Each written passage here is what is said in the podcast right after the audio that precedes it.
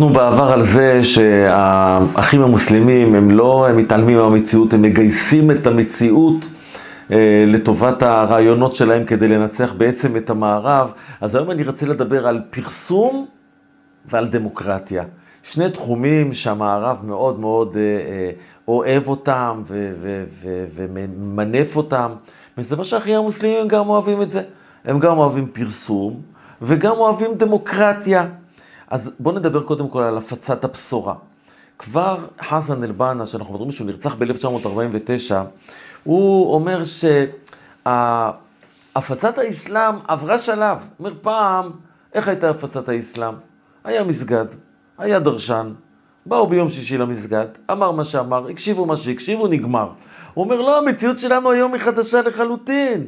היום יש לנו כתבי עת, יש עיתונים, יש עלונים, יש הצגות, יש סרטונים, יש שידורי רדיו, אגב, זה לפני הטלוויזיה.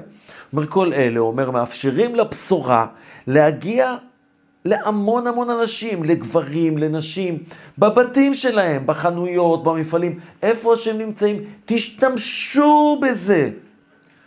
ברוח הזאת בעצם הלכו כל ממשיכיו של חסן אל-בנה.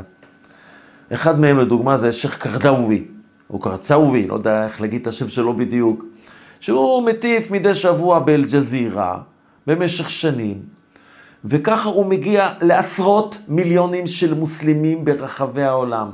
והוא מטיף לג'יהאד ולפיגועים ולחיסולה של מדינת ישראל.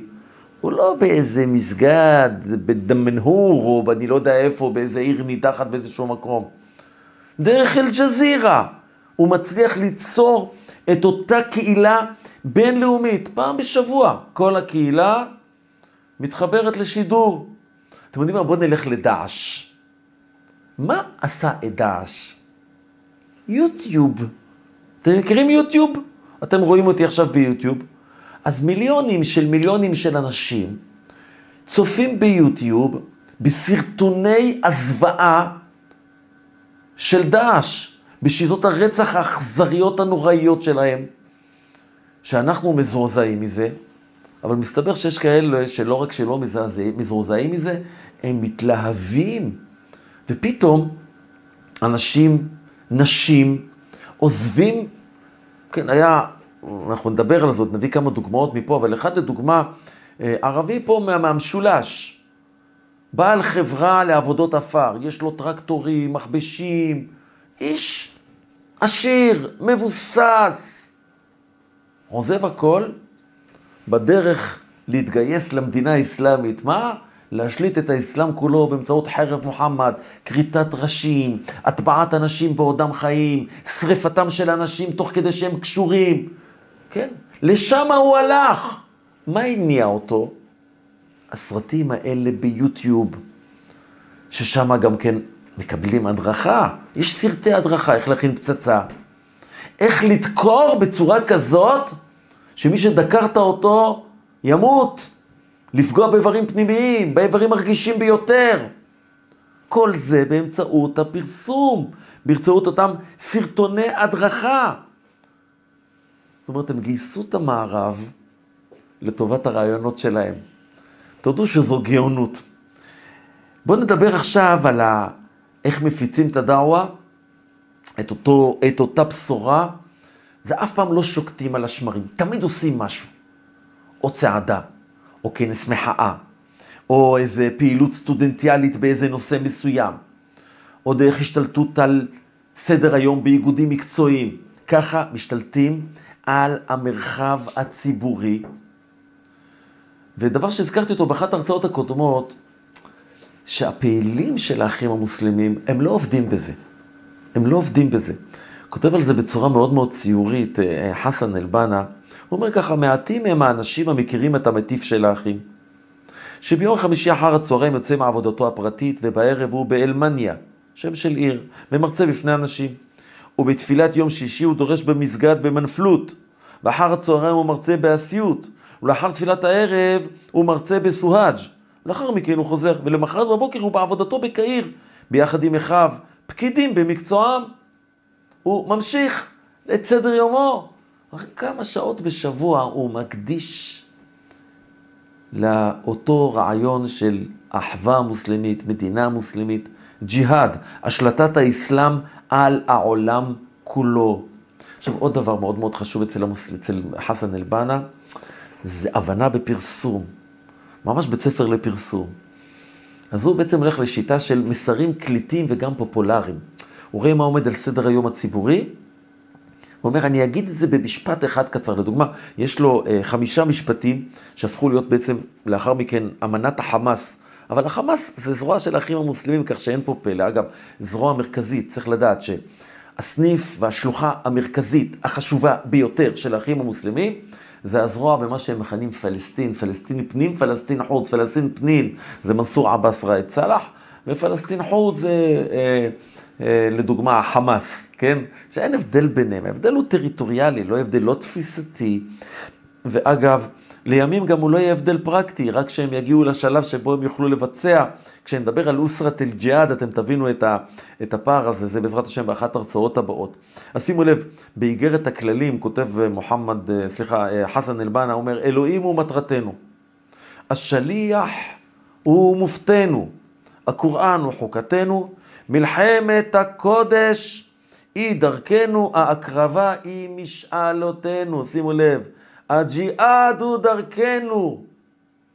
זו סיסמה קליטה, כן? השליח הוא מופתנו, כן? אל-סלאח אל-סלאח, אנחנו הולכים לפי מוחמד וממשיכיו, ישרי הדרך, על פיהם אנחנו, על, על פיהם אנחנו הולכים, כן?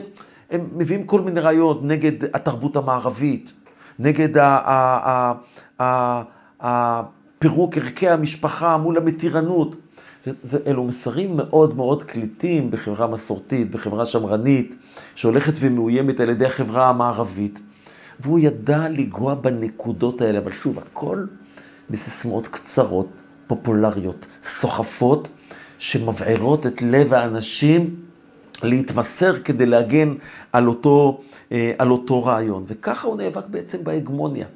והוא גם, הם שולטים, זה אחד מהשיטות של האחים המוסלמים, להשתלט על השיח הציבורי. בסופו של דבר, הם קובעים את השיח. הם קובעים את סדר היום.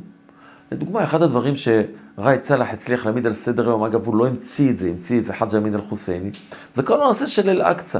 מקום שכוח אל באסלאם במשך מאות שנים, חרב מת ליפול, כן? הפכו אותו למרכז. זה הופך להיות גם אנשים הלאומיים, החילוניים. אתם יודעים מה, אפילו ג'מאל זחאלקה, איש בל"ד, המוסל... החילוני, המוסלמי, כן? תומך להט"ב וכולי. גם הוא, כשהתחילו כל ענייני אל-אקצא, הוא גם מופיע באל-אקצא. למה? הם מצליחים להשתלט על השיח הציבורי. תקחו לדוגמה את אנואר סאדאת, שהוא היה שייך בעיקרון למהפכת הקצינים של, אה, במצרים ב-1952. חלק מהחבורה של אה, אה, גמל עבדול נאצר. אבל כשהוא נבחר, מה זה נבחר? כשהוא לקח את מושכות השלטון, הוא הולך ומנסה לרצות אותם. הוא קורא לעצמו הנשיא המאמין, כל נאום שלו מתחיל בשם אללה, כן, בשם אללה הרחמן והרחום. הוא אה, אה, מחזיר חלק מחוקי השריעה, הוא עושה הרבה דברים כדי לרצות אותם, כי בעצם הם אלה שמשתלטים על השיח. ועכשיו, אני הולך לדבר על נושא מאוד מאוד חשוב, וזה הדו-פרצופיות. אין כלי יותר לגיטימי באסלאם מאשר דו-פרצופיות. הם קוראים לזה, יש לזה שם, יש לזה מושג, קוראים לזה תקייה. נכון שביסוד הרעיון הזה הוא רעיון שיעי, כי השיעים היו נרדפים על ידי הסינים, סונים, אז היה מותר להם להעמיד פנים שהם לא, שהם לא סונים, שהם לא שיעים, שהם סונים. אבל מסתבר שזה הפך להיות שיטה של כולם. ואני אקח דוגמה, וכולם מהדוגמה הזאת תבינו. בסודאן היה מנהיג אחד בשם חסן א-טוראבי, הוא בכלל היה אדם שהוא אה, אה, במקור שלו, הוא נתפס במערב כאחד המוסלמים הנאורים ביותר שיש. אתם יודעים מה? אפילו פרוגרסיבי, ליברל. הוא יצא נגד עונש מוות לסלמן רושדי שכתב את פסוקי השטן. הוא אמר שחוקי השריעה כבר לא רלוונטיים. חסן א-תוראבי אמר, חוקי השריעה לא... בכלל, הוא היה, הוא היה אה, דוקטור מאוניברסיטת הסורבון. הוא אירופאי, אוניברסיטת סורבון. והוא אמר שהוא גם כן, הוא אה, אה, בעד דמוקרטיה ובעד חופש דת בסודאן, גם כן אה, אה, לנוצרים, זכויות אדם וזכויות נשים, והרבה דברים מאוד מאוד טובים. אבל אז, אחרי הדיבורים, הדיבורים, הדיבורים, ב-1989, התנועה הפוליטית שהוא היה שייך אליה, ניצחה באופן מאוד מאוד דמוקרטי בסודאן, והמפלגה שלהם קראו להם החזית האסלאמית הלאומית, כן? ו, אה, ופתאום אותו איש ליברל, אדון חסן א-תוראבי הליברל, שינה את אורו לחלוטין, כן? אה, הוא קידם עונש מוות לכופרים באסלאם. לקח חלק מרכזי בעינויים, התעללות, מעצרים שרירותיים של כל מי שהם חשדו בו או שפוגע בהם. נשים שאינן מוסלמיות בקרב הנוצרים נאנסו, הילדים שלהם נלקחו מהם. מעכו אשכים, צרבו בסיגריות אנשים, אכזריות, זרמים חשמליים, אלה האנשים. לא הסתפק בזה. בתקופתו, כן, הוא היה, אה, אה, הוא היה שר משפטים. 50 איש שנאשמו בגניבה, כרתו להם את היד.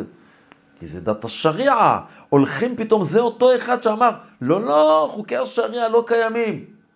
וברגע שהוא היה יכול להתהפך, הוא התהפך עליהם לחלוטין, כן?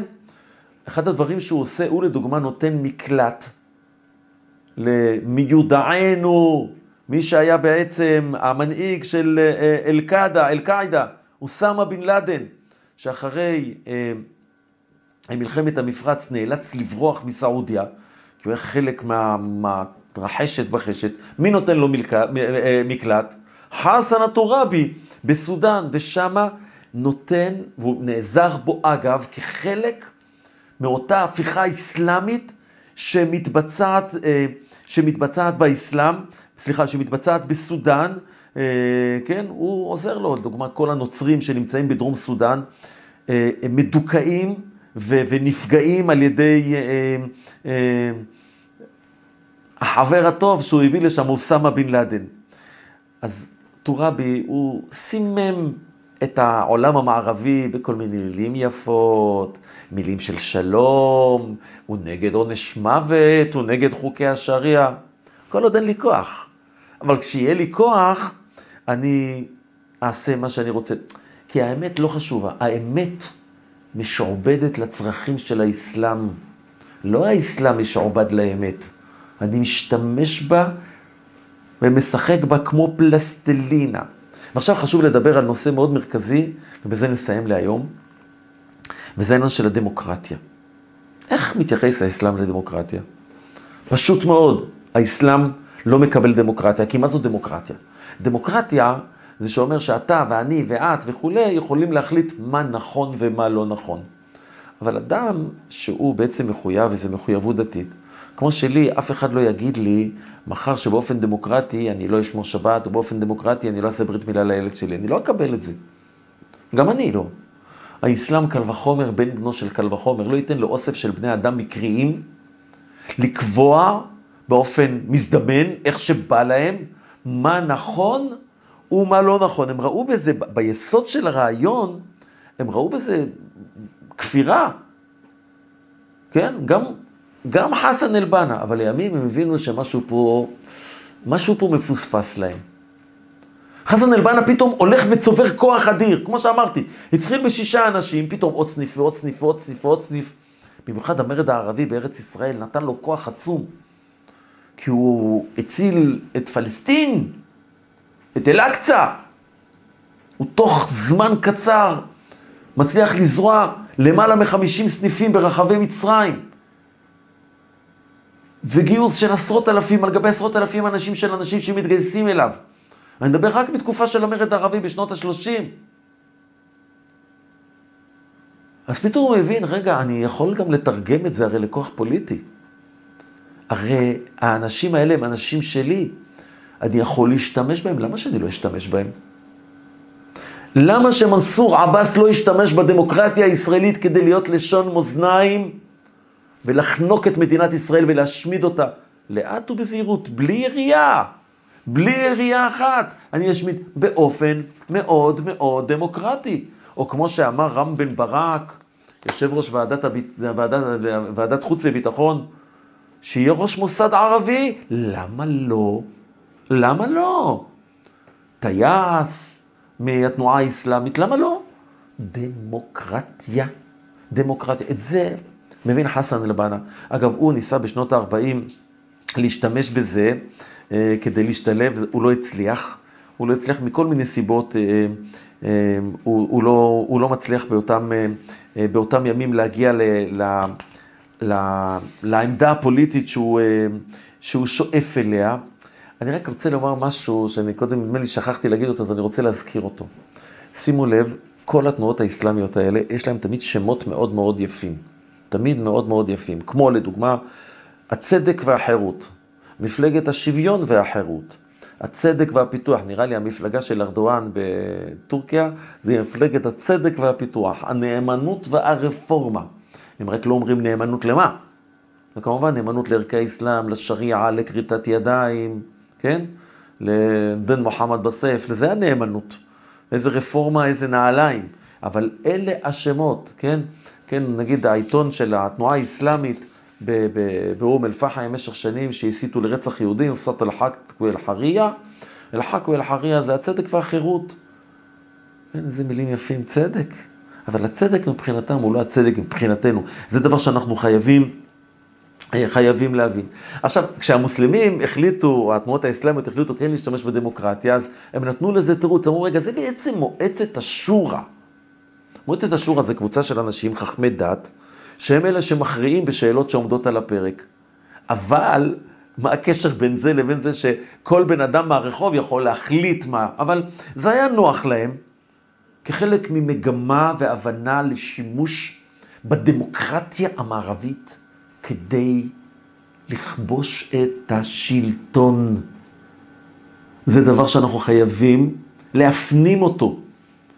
הדמוקרטיה הזאת שלנו, שהיא מאוד נחמדה, היא שיטת משטר יפהפייה ונהדרת, היא חרב פיפיות, היא יכולה לחסל אותנו, ויש מי שמנצל אותה כדי לחסל אותנו, כמו אותו חסן א-טוראבי שהזכרתי אותו שהזכרתי אותו אה, אה, במצרים. עכשיו אני הולך להביא לכם דוגמה, אה, דוגמה אחרת ממפלגה בתוניסיה, מפלגה שקראו לה אנאדה, מפלגת ההתעוררות, מפלגת ההתעוררות, שאחד המנהיגים שלה היה רשד רנושי, כן? וגם הם ביקשו להציג איזה מין תדמית ליברלית, תדמית מתקדמת כזאת.